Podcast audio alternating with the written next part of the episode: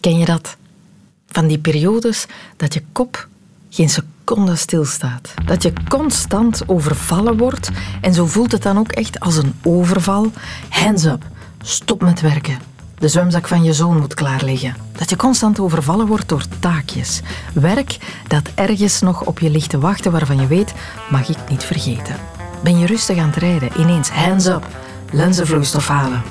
Je bent aan het rijden, je kan helemaal niks noteren, dus je moet gewoon zeggen tegen jezelf: Goed, ik onthoud het. Zwemzak, lenzen, zwemzak, lenzen, zwemzak, lenzen, zwemzak, lenzen. Hopen dat je het ook echt onthoudt. Maar dan is de volgende overval daar al. Mail van Jos beantwoorden. Dringend. Moest gisteren al. Zwemzak, lenzen, Jos. Of nee, omgekeerde volgorde. Eerst Jos, dan zwemzak, dan lenzen. Jos, zwemzak, lenzen. Jos, zwemzak, lenzen. De volgende reminder, want de poetsvrouw, die had toch gezegd dat ze Javel nodig had. Jos, zwemzak, lenzen, Javel. Jos, zwemzak, lenzen, Javel. Jos, zwemzak, lenzen, Javel. Blah! Tot het te veel wordt en dan denk je, tijd voor een to-do-list. Ooit gelezen, de to-do-list werkt fantastisch om rust in je hoofd te creëren. Want als er dan weer eens zo'n overval is, schrijf je het gewoon neer. Kan je hoofd dat loslaten. Dan moet hij je niet zo komen bespoken met taakjes op vervelende momenten. Dus, ik doe dat. Ik introduceer voor mezelf een mooi schrift, een goede bik. Voortaan gaan al mijn klusjes mooi op een rijtje in dat schrift komen te staan. Voortaan ben ik efficiënt. Ik dacht dat dat rust zou brengen. Ik was mezelf als verstorende factor in dat efficiëntieproces vergeten. Met als gevolg dat ik dus van alles in een schrift begin te zetten, om vervolgens dat schrift op de hoek van mijn bureau te leggen en niet meer open te doen. Drama maal twee, want nu is mijn hoofd ontspannen, ligt al mijn werk stof te vergaren en begin ik aan de pina coladas. Olé, erger nog, daarna pak ik een ander schrift om een nieuw lijstje in te maken. En ik leg dat ook weg. En dan begint het weer. Spooktaken die te pas en te onpas mijn hartslag in de hoogte komen jagen. Fuck die zwemzak, dat was vandaag. Lenzenvloeistof, lap, vergeten en de poetshulp komt straks. En Jos, Jos, Jos is gejost, want die vergeet ik weer, net zoals de vorige keer. En toen had ik een nieuw plan. Ik dacht, voortaan maak ik to-do-lijstjes die verplicht s'avonds ook afgevinkt moeten zijn. Helemaal. Klaar. Dat zou de oplossing zijn van al mijn kleine problemen. En ik heb dat gedaan. Begonnen op een zondag, een tijdje geleden, met een gigalijst. Maar echt gigalijst. De hele dag rotte administratie gedaan, mails beantwoord. En s'avonds kon ik achterover liggen. Zalig. Was vrij. Dit is vrijheid. Een blanco blad. Een schone lei. Vanaf nu was ik een andere mens. Zo een met van die hagelwitte tanden, nooit smosvlekken op mijn t-shirt, een leeg aanrecht ten allen tijden en een lege to-do-lijst. Moet je nu eens wat weten? Dat is dikke bullshit. Dat je een to-do-lijst kan afwerken. Dat kan namelijk niet. Want weet je wat voor akeligs er gebeurt als je iemand hebt gemaild? Die mailen terug. Begint dat feestje gewoon opnieuw? Weet je wat er gebeurt met zwemzakken? Die moeten de week nadien gewoon opnieuw gemaakt worden. En dan zijn er nog eens een heel pak vrolijkaards die met allemaal nieuwe ideetjes komen aanzetten. Kwartalen die afgerond moeten worden, vakanties geregeld, coronatests gepland. Jos is daar weer. Het houdt niet op. De to-do-list dat heb ik nu geleerd, dat is boerenbedrog. Omdat dat pretendeert een oplossing te geven voor een onoplosbaar probleem. Dat is als één dag een emmertje water zetten onder een gigantische waterval om al het water op te vangen. Of toch zoiets. Mijn vergelijkingen, daar is misschien nog werk aan. Maar dat is mijn ervaring. Maar misschien doe ik iets mis. Allicht doe ik iets mis. Dus hoe kan het beter? Dat kom je te weten in deze podcast. Wie schreef zoal to-do-lists? En we hebben het over de zin en de onzin van de bucketlist. Kortom, to-do. Verder luisteren. Welkom in de wereld van Sophie. Hoe ga je goed om met een to-do-lijst? Hoe doe je een to-do-lijst werken? Daarvoor ben ik te raden gegaan bij Rick Pastoor. Die was ooit manager bij Blendel zocht voor zichzelf een oplossing om zijn werk, zijn leven wat beter te beheersen, las zich in in alle literatuur over time management en wat is het nog allemaal, en creëerde voor zichzelf een werkmethode die hij met de wereld deelde in een superpopulair boek Grip, het geheim van slim werken. En sindsdien is dat wat hij doet, mensen slimmer leren werken. Net wie ik nodig had. Het is eigenlijk helemaal niet raar. Dus, dus laat me daarmee beginnen dat het, uh, dat het helemaal geen, geen gek probleem is. Mm en dat, ook, uh, dat je ook niet moet denken dat, het, dat het aan jou ligt. Um, maar wat, wat wel zo is, en daarom vind ik het heel leuk om er, om er hier even over te praten, is, is dat het iets is wat heel belangrijk is um, om beter in te worden. Um, want we hebben het eigenlijk nooit geleerd. Hè? Dat, is, dat is natuurlijk het ding. we hebben eigenlijk nooit echt geleerd hoe we moeten werken. En mhm. dat is raar, uh, want, uh, want werk, is, ja, werk is voor heel veel mensen best, best een belangrijk ding. Ja, je begint te werken en dan moet je het maar, moet je het maar zien te redden eigenlijk. Precies, precies. En dan, en dan overkomt het je. nou ja, en, en, en wat er dan gebeurt is dat we zoveel op ons bord hebben liggen. En inderdaad, dat lijstje dat, dat blijft maar groeien. Uh, ja, en dan uh, wijken we uit naar onze avonden en in de weekenden. En voor je het weet, uh, nou ja, als, het, als het echt de verkeerde kant op gaat, dan zit je, zit je thuis met, met een burn-out of erger. Ja. Um, en dat is natuurlijk, dat is natuurlijk echt niet, niet oké. Okay. Het probleem, las ik in uw boek, is de open loop. Wat is dat? Ja, nou, de, hè, dus dan, dan springen naar de takenlijst. Wat, wat er gebeurt um, uh, in je hersenen, uh, is, dat, is dat je hersenen je de hele tijd helpen herinneren aan allerlei zaken die je nog moet doen. En dat is inderdaad het idee van, van een open loop. Dus, dus stel, um, je zit nu voor je uit te kijken in de auto of achter je bureau of waar je ook bent. En je denkt even na over, uh, over je zolder. Of je denkt even na over de aankomende vakantie. Of over de belastingaangifte. Of over, nou, ik noem maar een paar, een paar mhm. zaken. Dan zullen er misschien dingen bij je te binnen schieten waarvan je denkt, oh ja, dat moet ik nog doen. Nou, dat zijn open loops. Dat zijn de zaken waarvan, die eigenlijk nog op je radar staan. En um, wat je hersenen doen, is zolang dat niet um, geborgd is, zolang je hersenen niet zeker weten dat daar op een bepaald punt iets mee, moet, uh, iets mee gaat gebeuren, um, ja, dan krijg je elke keer seintjes. En elk seintje is, is zo'n zo, zo punt van, oh ja, dat moet ik nog doen.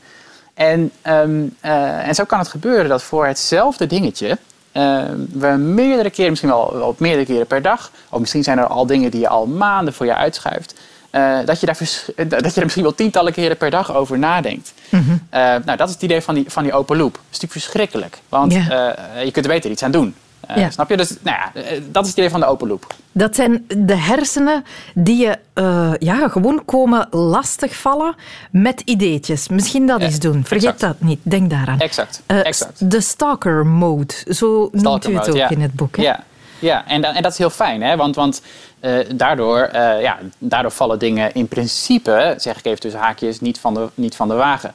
Uh, maar het zijn er tegenwoordig zoveel. Hè. We, moeten, we hebben een baan, we hebben, we hebben vrienden, we hebben een complex, uh, complex leven thuis. Uh, maar we hebben ook nog allerlei hobby's die we willen doen. Het is gewoon heel veel bij elkaar. Mm -hmm. um, en dus kun je het niet meer allemaal in je hoofd bewaren. En daarom zeg ik zo, en dat is ook mijn enige oproep eigenlijk aan, aan iedereen die luistert. Van alsjeblieft, vanaf nu, bewaar nooit meer iets in je hoofd. Ja. Uh, want je hoofd is, uh, is, eigenlijk, uh, is eigenlijk werkgeheugen en, en geen harde schijf.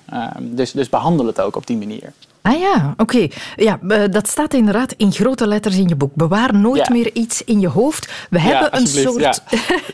het is bijna een smeekbede. We, we hebben een tweede brein nodig. Ja, ja. ja, want het fijne is dat, dat hè, onze hersenen geven die seintjes, maar die seintjes komen eigenlijk nooit op het juiste moment. Weet je? Dus net als je met je, met je baas hebt gesproken uh, over uh, uh, nou ja, een paar zaken die belangrijk zijn, en je loopt weg en je denkt, oh ja, wacht even, ik had ook nog dat andere ding wat ik moest bespreken. Dat seintje komt gewoon te laat. Mm -hmm. En, um, en we hebben eigenlijk dus een systeem nodig, um, nou ja, die ons op het juiste moment helpt herinneren. Um, en wat, wat um, uh, Elon Musk die werkt aan een soort ding, dat, dat heet een Neuralink. Dan krijg je een soort stekker of een soort dingetje in je, in je hersenen.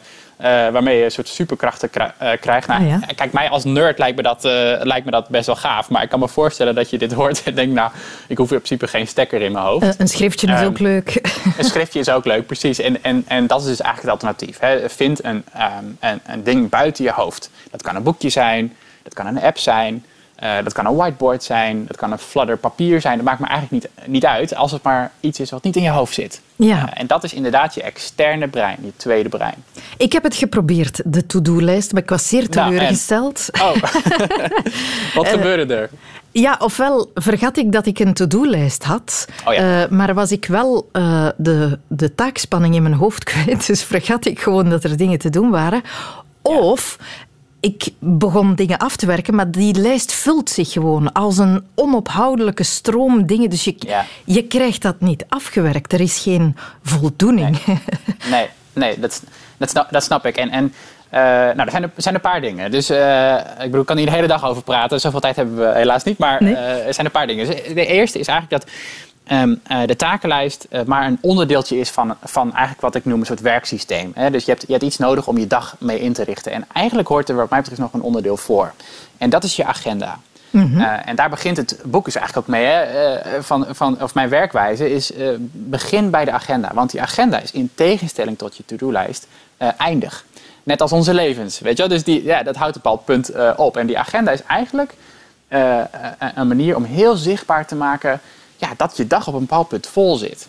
En het grote voordeel van, van je agenda ten, ten, op, ten opzichte van je takenlijst is dus dat je ziet wanneer je volgeboekt bent. En ook wanneer je dag klaar is. Dus ehm, om, om een antwoord te geven op de vraag van ja, ik heb het gevoel dat die, dat die li- lijst nooit klaar is en dat het nooit afkomt en dat, ik, ah, dat er altijd meer dingen te zijn. Eh, begin eerst eens met je agenda in te richten op de manier ehm, zoals je je tijd graag, graag wil inrichten. En dat zal voor heel veel mensen zo gelden die nu luisteren van ja, je hebt, je hebt een drukke baan met allerlei mensen die dingen van je willen, maar ehm, eh, begin eens met je agenda in te richten eh, met niet alleen de afspraken die je doet, maar ook eh, om je agenda te gebruiken om belangrijk werk in af te bakenen. Dus ik werk een ochtend aan een rapport, ik werk een middag aan de voorbereiding van een vergadering en dan heb ik de vergadering en dan verwerk ik de uitkomsten van de vergadering en dan is mijn dag eigenlijk vol. Ehm, het, het grote voordeel daarvan is dat als je dan eh, een vraag krijgt tussendoor van, van een manager, of een collega, hey, kun je me nog even helpen met het een of het ander? Eh, dat je dan je agenda kunt laten zien en zegt, nou, sorry, maar mijn dag zit vol. Eh, hè, dus dat is eigenlijk de eerste manier om ervoor te zorgen dat er, ja, dat er niet steeds meer dingen bij komen. Je moet een, een soort tijdslot voorzien per taak. Eigenlijk wel, inderdaad. Dus ik zeg eigenlijk alle, alle dingen die langer dan een half uur kosten, die zouden eigenlijk in je agenda moeten staan. Eh, en dan weet je dus ook zeker dat het op dat moment eh, gaat gebeuren. Nou, dus dat is, dat is één. En dan het, het, het tweede ding wat ik zeg is, nou, doe dus wat er in de agenda staat.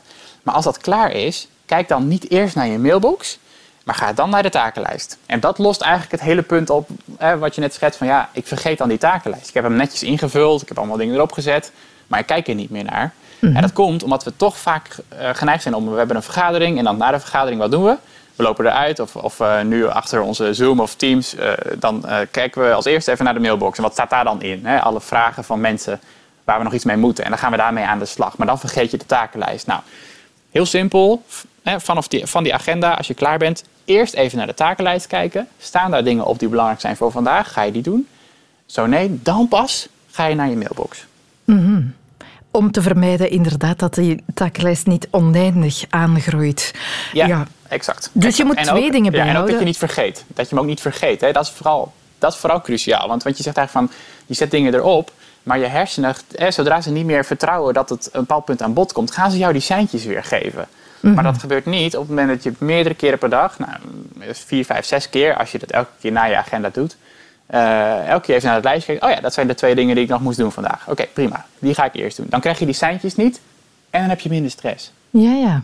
Dan, het resultaat is natuurlijk wel een super volgeplande agenda, wat misschien wat botst met de persoonlijkheidstrekken van Ja. iemand die geneigd is om een to-do-lijst aan de kant te schuiven. Ja, ja nee, dat, en dat, eh, dat snap ik. Nou, mijn, mijn wedervraag is dan eigenlijk altijd: oké, wat is het alternatief? Hè, het alternatief is dat je niks plant. Of dat je gewoon eh, doet wat er op dat moment voor je ligt. Maar ja, eh, heel veel mensen zeggen dan toch ook tegen me: van ja, Rick, dat, dat, eh, dat heb ik ook al heel lang geprobeerd. En daar krijg ik ook stress van. En daar word ik ook niet gelukkig van. Nou, en dan zeg ik dan: maak een middenweg. Maar eh, vul die tijd dan in. Dat kun je natuurlijk zelf een beetje bepalen, hoe vol je dat plant. Maar gun ook jezelf de tijd om even op adem te komen na een vergadering. En gun jezelf ook de tijd om, om iets goed voor te bereiden. Of om een ochtend te nemen voor een creatief project. In plaats van dat je dat in een uurtje probeert te, uh, te, te, stoppen. Mm -hmm. dus mijn, dus ik, ik, draai het dan eigenlijk om en zeg ja, hoe creatiever je bent, hoe meer je je tijd moet bewaken. Ja. Hoe meer je van tevoren eigenlijk moet zeggen, nou, dit is niet voor de rest, dit is voor mezelf. Ja. Um, uh, dus dat zou ik dan, dat zou ik dan meegeven. Maar ja, inderdaad, alles wat ik zeg, hè, het is natuurlijk uh, aan ieder voor zich om te bedenken wat voor experimenten je ermee doet. Ja, ja, en om te kijken wat werkt. Het komt erop neer om de regie van je leven in handen te nemen. Om te zorgen dat wel. jij aan zet bent en niet dat onbetrouwbare hoofd van je. Want hoe, want, ja, want, want hoe kostbaar is die tijd? Hè? Dus dat, uh, dit uur, deze tien minuten, deze minuut, we maken er maar één keer mee. En, um, en, en daarom is het extra belangrijk, uh, juist omdat er zoveel opties zijn tegenwoordig, uh, ja, om zelf ook eens even na te denken over wat wil ik nou eigenlijk? En hoe zou ik deze dag nou eigenlijk in willen vullen? In plaats van dat ik gewoon van, van de ene e-mail naar de andere e-mail mm -hmm. aan het werken ben en van de ene vergadering naar de andere aan het eind van de dag denk, wat heb ik nou eigenlijk gedaan? Ja. Uh, met een klein beetje meer intentie die tijd vullen. Dat zou fantastisch zijn. Grip, het geheim van slim werken. Zo heet dat boek van Rick Pastoor. Guru van de efficiëntie, zo u wil. Weet je wie ze de godfather van het to-do-lijstje noemen? Dat is Benjamin Franklin. Een van de founding fathers van de Verenigde Staten, politicus, wetenschapper, ook gewoon een vrolijke Frans. Maar die hield al zijn activiteiten super nauwgezet bij in lijstjes. Kan je terugvinden op het internet, moet je maar eens googlen. In zijn agenda stonden dan bijvoorbeeld in de avonduren dingen als tussen vijf en acht of zo, uh, dingen terug op zijn plaats zetten. Avondeten, muziek, ander vermaak, eventueel een conversatie terugblikken op de dag. Hij maakte zelfs een schema van allerlei deugden, waarop hij dan kon aanduiden of hij op maandag wel degelijk ordelijk, vriendelijk, stil, oprecht, uh, rechtvaardig en zo was geweest. Met als doel om in 13 weken tijd, met behulp van dat schema, zo deugdelijk mogelijk te worden.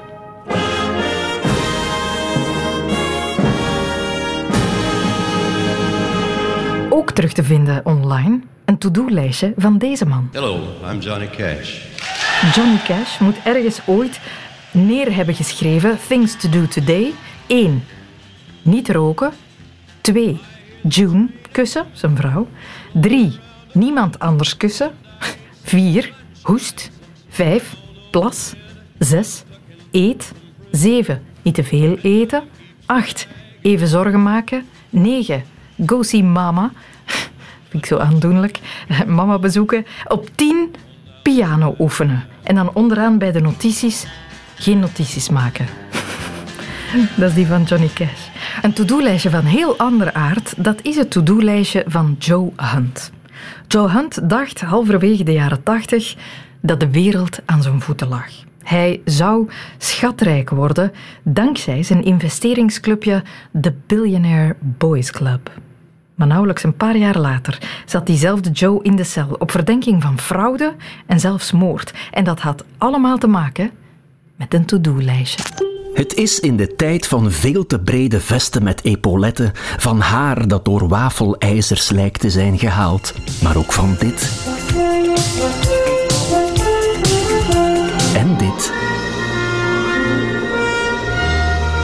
Dat de 23-jarige Joseph Hunt zijn elitaire, pastelgetinte Lacoste polo's over de schouder dragende oude vrienden van de Harvard School for Boys samenroept en ervan overtuigt dat als ze hem volgen, ze schatrijk zullen worden.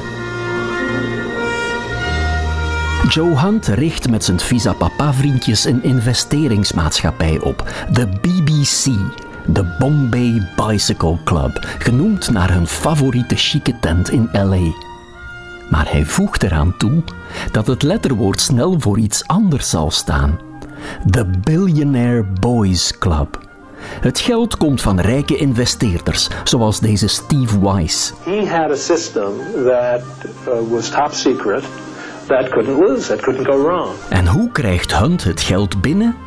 Met een overdosis charme, overtuigingskracht en vertrouwen inboezemende zijde Armani pakken. He had an ability to convince, to charm, to uh, impress. Wat Hunt's BBC-vrienden dan nog niet kunnen weten, is dat het een ordinair to-do-lijstje is dat Hunt uiteindelijk zal nekken.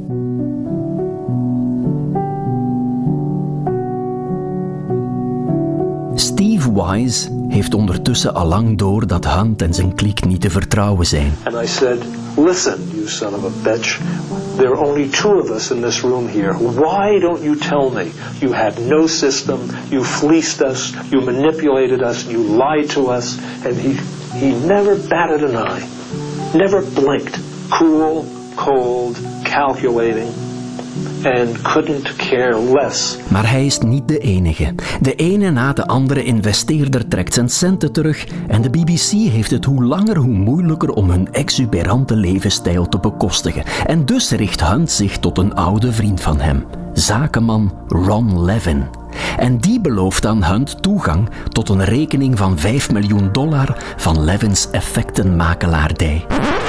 Hier moet ik het verhaal toch even onderbreken, beste luisteraar, want er moet me iets van het hart. Ik gebruikte daarnet nogal vlot het woord effectenmakelaardij.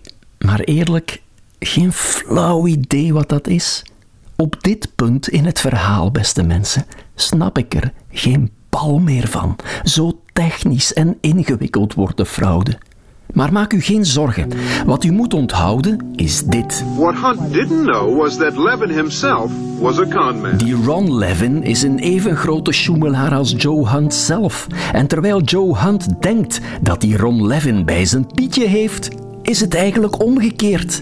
En Hunt heeft dat op een bepaald moment door. I was running around thinking I had $4 million coming to me, making business decisions on it that ultimately affected 80 investors. Op 6 juni 1984 verdwijnt Ron Levin dan plots spoorloos uit zijn appartement in Beverly Hills. De politie suggereert dat Levin waarschijnlijk ergens onderduikt voor alweer een mislukte zakendeal, maar moeder Levin kan het niet geloven. Well, my son and I were so close. I spoke to him at least three times a week.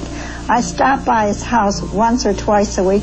He just couldn't be anywhere in this world that he wouldn't get hold of me. En het wordt allemaal nog mysterieuzer en onrustwekkender als vader Levin de dag na de verdwijning een telefoontje krijgt van Joe Hunt. He wanted to know if uh, he could come down to the apartment. He left some papers in Ronnie's apartment, and could he pick it up? I says, no, I don't think so. I'm not letting anybody into this apartment. Kan ik wat papieren komen ophalen? vraagt Hunt. Geen sprake van, zegt vader Levin. En als hij de papieren waar Hunt naar vroeg terugvindt op het appartement en aan de politieinspecteur Zoller overhandigt, springt hij een gat in de lucht. It's very puzzling to me. And he said, uh, what is it? I says, let me show it to you. And when I showed that to Officer Zoller, he said, that's what I'm looking for. Het gaat om zeven bekriebelde blaadjes geel papier uit een notitieblokje. In het handschrift van Joe Hunt een titel bovenaan, in drukletters en dubbel onderstreept: At Levin's To Do.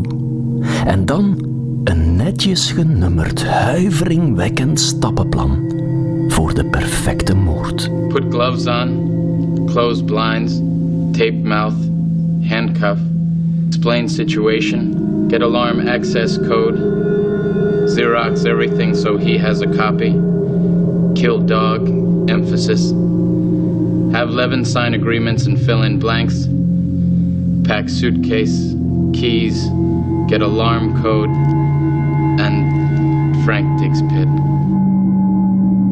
NBC noemt het It's a recipe for murder. Het lichaam van Ron Levin wordt nooit teruggevonden, maar het lugubere to-do-lijstje van Joe Hunt wordt het cruciale bewijsstuk in het moordproces dat in 1987 tegen hem wordt gevoerd. Zelf beweert Hunt dat het lijstje alleen maar bedoeld was om Levin af te schrikken. This was just Levin, get out of our lives. Dat hij Levin wijs probeerde te maken dat het notities waren die hij gemaakt had bij een vrijblijvende vergadering met wat huurmoordenaars. What I was trying to do, as I said, was, in, was pretend I had had this meeting where these things were discussed by these very heavy players.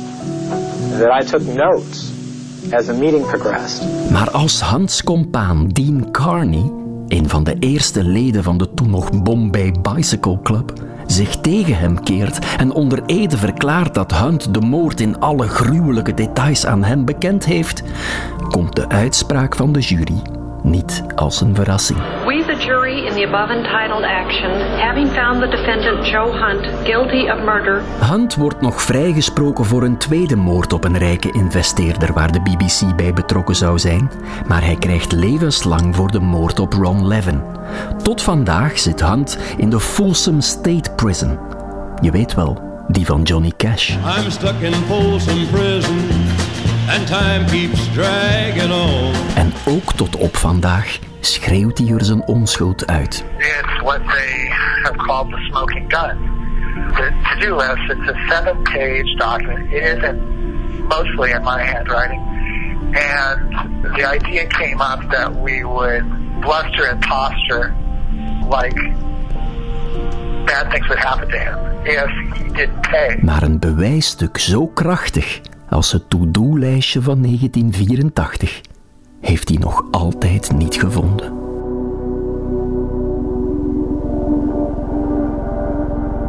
Misschien wel het meest beruchte to-do-lijstje aller tijden. Dat van Joe Hunt. Of waar, vermoedelijk dat van Joe Hunt.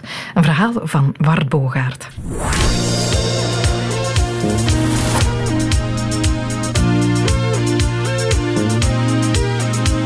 Mijn boodschappen nog doen en straks de vuile was. Mijn haar dat wil ik groen, maar dat kan morgen pas. De huur nog overmaken en de tandarts zometeen. Naar Valkenburg op Aken, waar moet ik dit jaar nou weer heen? 008 bellen, had ik dat boek nou uit of niet? Girokaarten bij bestellen, vergeet de vuilniszakken niet. Die afspraak was veranderd en overrekt dat feest. Naar de nieuwe van Fellini ben ik gelukkig al geweest. Ik ben geweest.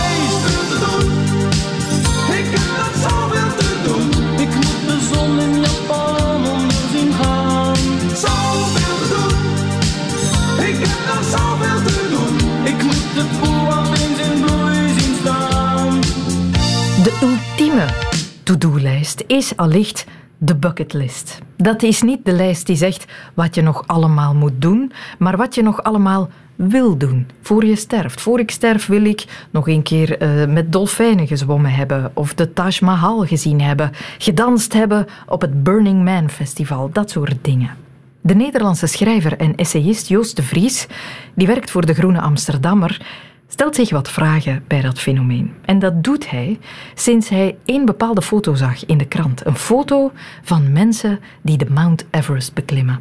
Ik zag die foto in de krant staan en ik dacht, dit kan niet waar zijn. En dat, dat was een foto nou, net onder de top van de Mount Everest. Dus dan heb je het over meer dan 8000 meter hoogte. En daar stond een file. Een file van toeristen, zoals je die ook in Amsterdam ziet bij het Rijksmuseum. Ja. Alleen nu hadden ze iets betere kleding aan en handschoenen. En het kwam er dus op neer dat er zo'n enorme toeloop van toeristen uh, waren. Die dus allemaal, wat is het, 22.000 dollar hebben betaald om zo'n vergunning te krijgen de Mount Everest te beklimmen. Ja. En daar zat ik over na te denken. Dat ik dacht van, goh, wat, wat doen die mensen daar? En afhankelijk, kijk, je kan je voorstellen dat er heel veel alpinisten zijn. En die, die klimmen bergen over de hele wereld. En die hebben dan als doel, hè, dat is dan oprecht een, bucketlist, doel om op een dag de Mount Everest te beklimmen. Maar wat ik zo grappig vond was aan de interviews die ik na afloop las met veel van die bergbeklimmers die daar stonden, is dat er ook allemaal niet-bergbeklimmers tussen stonden. Er zaten allemaal mensen bij, ja, die hadden misschien wel eens een bergje beklommen ergens, maar waren op geen enkele manier zo getraind en zo toegewijd dat ze die berg konden beklimmen. Maar die hadden gewoon het beste apparatuur ter wereld geregeld. Die hadden eindeloos veel Sherpa's ingehuurd. En die waren dus niet daar op zoek met het idee van: Goh, ik wil nu een kroon zetten op mijn passie, bergbeklimmen. Nee, die waren daar echt met een bucketlist idee. Met het idee van: Nou, wat wil ik gedaan hebben voor mijn dood? Ik wil kunnen zeggen dat ik de Mount Everest beklommen heb.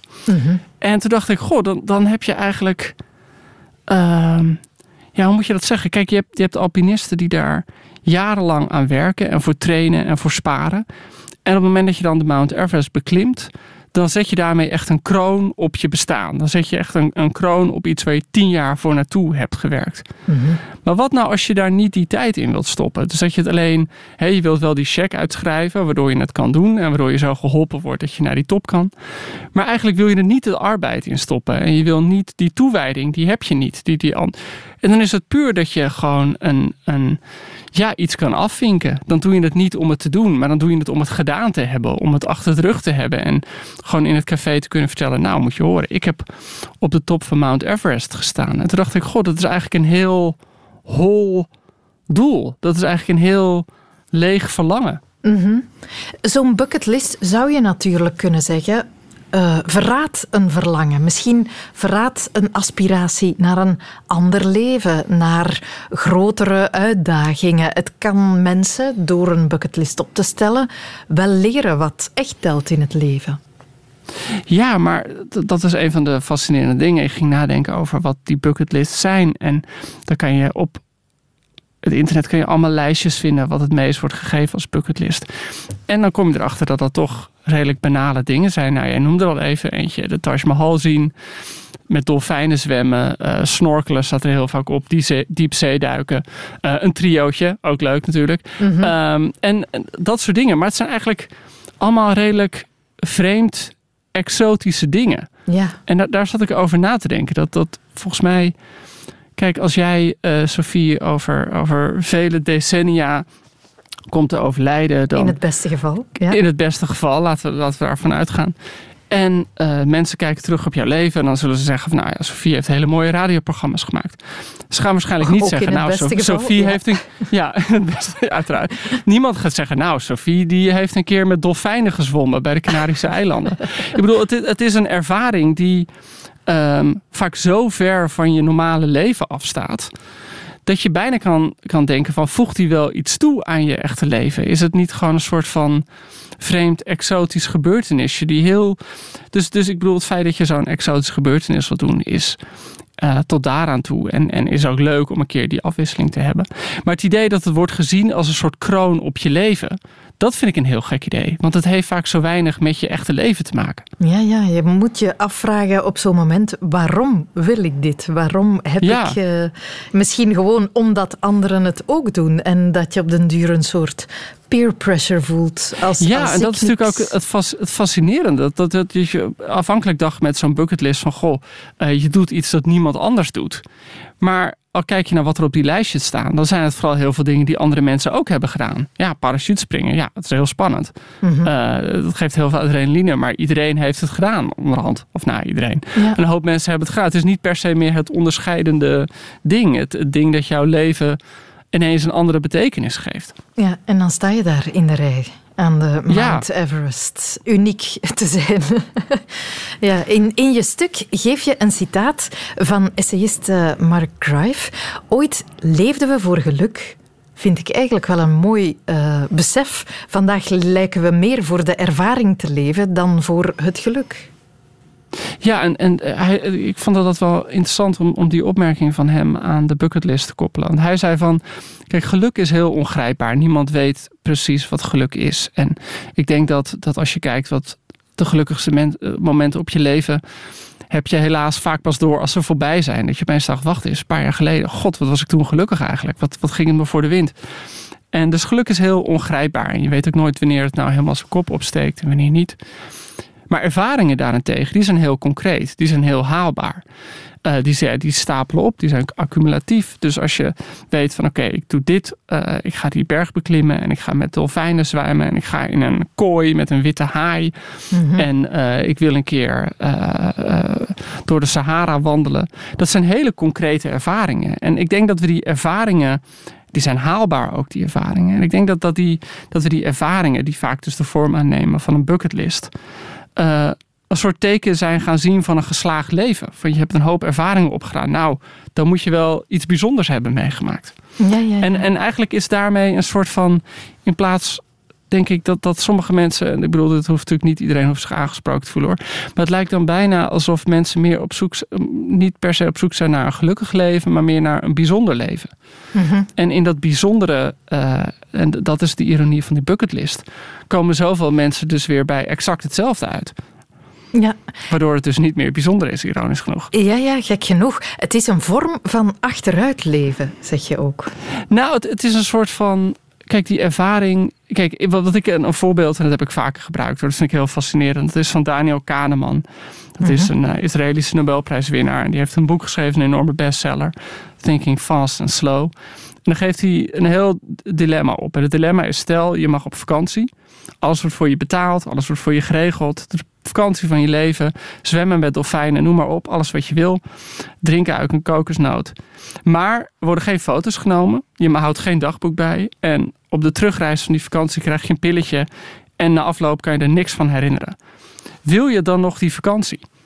En dit is een experiment dat hij heel vaak doet. En het meerderheid van de mensen willen dan niet meer. En, en daar valt ik wel iets voor te zeggen. En, en, maar op een bepaalde manier zegt hij van... de herinnering neemt voorrang aan de ervaring. En Kaan zegt het heel mooi. Die zegt van je hebt een remembering self... en, de ex- en je hebt een experiencing self. En de remembering self die, die blikt terug... en de experiencing self die maakt iets mee. Maar die experiencing zelf krijgt bijna een soort van tweede plek. We doen dingen vooral, zegt hij, omdat we weten van, oh, dan gaan we dit en dit herinneren. We plannen een vakantie in omdat we weten van, nou, na afloop hebben we dan een hele fijne herinnering aan die mooie plek die we zijn geweest. En dat, dat zorgt er dus voor dat ze op een bepaalde manier, ja, vreemd passief in het leven staan. En dat, daar, daar moest ik dus ook aan denken bij die mensen die boven op de Mount Everest stonden. Dat, dat waren geen actieve deelnemers in hun leven. Of tenminste niet de mensen die daar alleen zaten om het even afgevinkt te hebben. Want die mensen die het alleen wilden afvinken, die zaten er met het idee van... nou, ik ben nu eventjes een ervaring aan het opdoen. Ik ben een herinnering aan het kweken. En daar kan ik dan mijn rest van mijn leven op Mhm. terugblikken. Dus die staan daar achteruitkijkend, als het ware. Ja, passief te wezen, midden in Ja. het eigen leven. Wat, wat nu?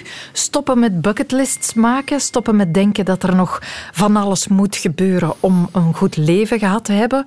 Of, Nou ja, kijk, het, punt is, wat, wat, ik weet niet hoe dat voor jou is hoor, maar geluk zit natuurlijk ook in het vooruitkijken naar iets. Mhm. Ik bedoel, ik heb, een, ik heb een vakantie nu geboekt en ik krijg elke dag, telt, me, telt mijn telefoon af hoeveel dagen het nog is. En dat geeft heel veel plezier. Dus het feit van dat je zo'n bucketlist hebt, met, dat je dingen hebt van, goh, daar kijk ik naar uit. Dat is natuurlijk heel mooi. Maar wat je natuurlijk eigenlijk het liefst zou willen is zo'n bucketlist, dat zo'n bucketlist een duidelijke relatie heeft met je eigen leven. Dat het ook echt die kroon op je bestaan is. Dus Mhm. ja, om een simpel voorbeeld te geven, stel je houdt heel erg van literatuur. En nou, dan zou je als bucketlist kunnen doen van op een dag ga ik alle delen van op zoek naar de verloren tijd van Proest lezen. Weet je, dan heb je echt een prestatie die ook nog eens samenvalt met wie je leven is. Mhm. En, en voor jou, hè, ik gaf je net als voorbeeld van de radiomakers van goh, misschien heb jij dan het idee van ik wil een week lang elke dag een marathon interview doen. Of, of, of zo'n productie maken dat al het andere overstijgt. Dan Mhm. maak je echt iets. Dan heb je echt een bucketlist waar iets op staat wat gewoon direct aan jouw leven gekoppeld is. Ja. Ik hoop nu niet trouwens dat ik jouw leven opeens helemaal terugbreng tot radio maken. Alsof Nee, je geen nooit, zorg. nooit iets anders doet verder. Maar Maar je kan er misschien ook op zetten, dat is nu onnozelmelig, eh maar jij zou ook op je bucketlist kunnen zetten van ik wil zeker nog tien keer eh, een fantastische barbecue hebben met vrienden en familie en zo hard lachen eh, dat ik er pijn van in mijn buik krijg. Dat zou, ook, dat zou misschien een betere ambitie zijn. Dat zou in ieder geval een ambitie zijn die, die heel erg samenvalt met wat jou echt gelukkig maakt. En, en hoe jouw leven er echt uitziet. Ik bedoel, dan, dan creëer je echt iets dat eh, ja, gewoon samenvalt met wie je bent, denk ik. Mhm. Wat wilt u zeker nog doen voor u het loodje legt? Ja, ik wil eigenlijk ook wel op die Mount Everest. Eh, dat, dat is het tegenstrijdige. Hè? Ik, ik schrijf dit soort essays heel vaak om mezelf te corrigeren ook. Ah, ja. Ehm, Het was een soort nee, tik op ik- de ik- vingers, dat essay. Ja, nee, nee, nee. Maar goed, ik ik kan, ik kan inderdaad ook denken aan bepaalde reizen die ik wil maken. Maar dat zijn dan heel vaak reizen die ik dan zou willen koppelen aan een essay dat ik moet, wil schrijven of aan een boek dat ik wil maken. En dat Mhm. zijn natuurlijk de dingen die ik ook in het dagelijks leven waar ik me mee bezig hou, gelukkig. Dus dat, dat zijn dingen die denk ik wel heel erg gekoppeld zijn aan. eh, ja, aan. aan eh, Wat dicht bij eh, jou. Aan, ja, hoe ik leef. Ik bedoel, ik heb, ik heb gebungee jumped. Ja, nou ja, dat zegt voor mijn gevoel zegt dat heel weinig eh, over wie ik ben. Behalve Mhm. dan dat het me heeft geleerd dat ik beter niet kan bungee jumpen, want daar ben ik de hele dag misselijk van. Maar voor de rest leer je er niks mee over jezelf. Ik moet nog zwemmen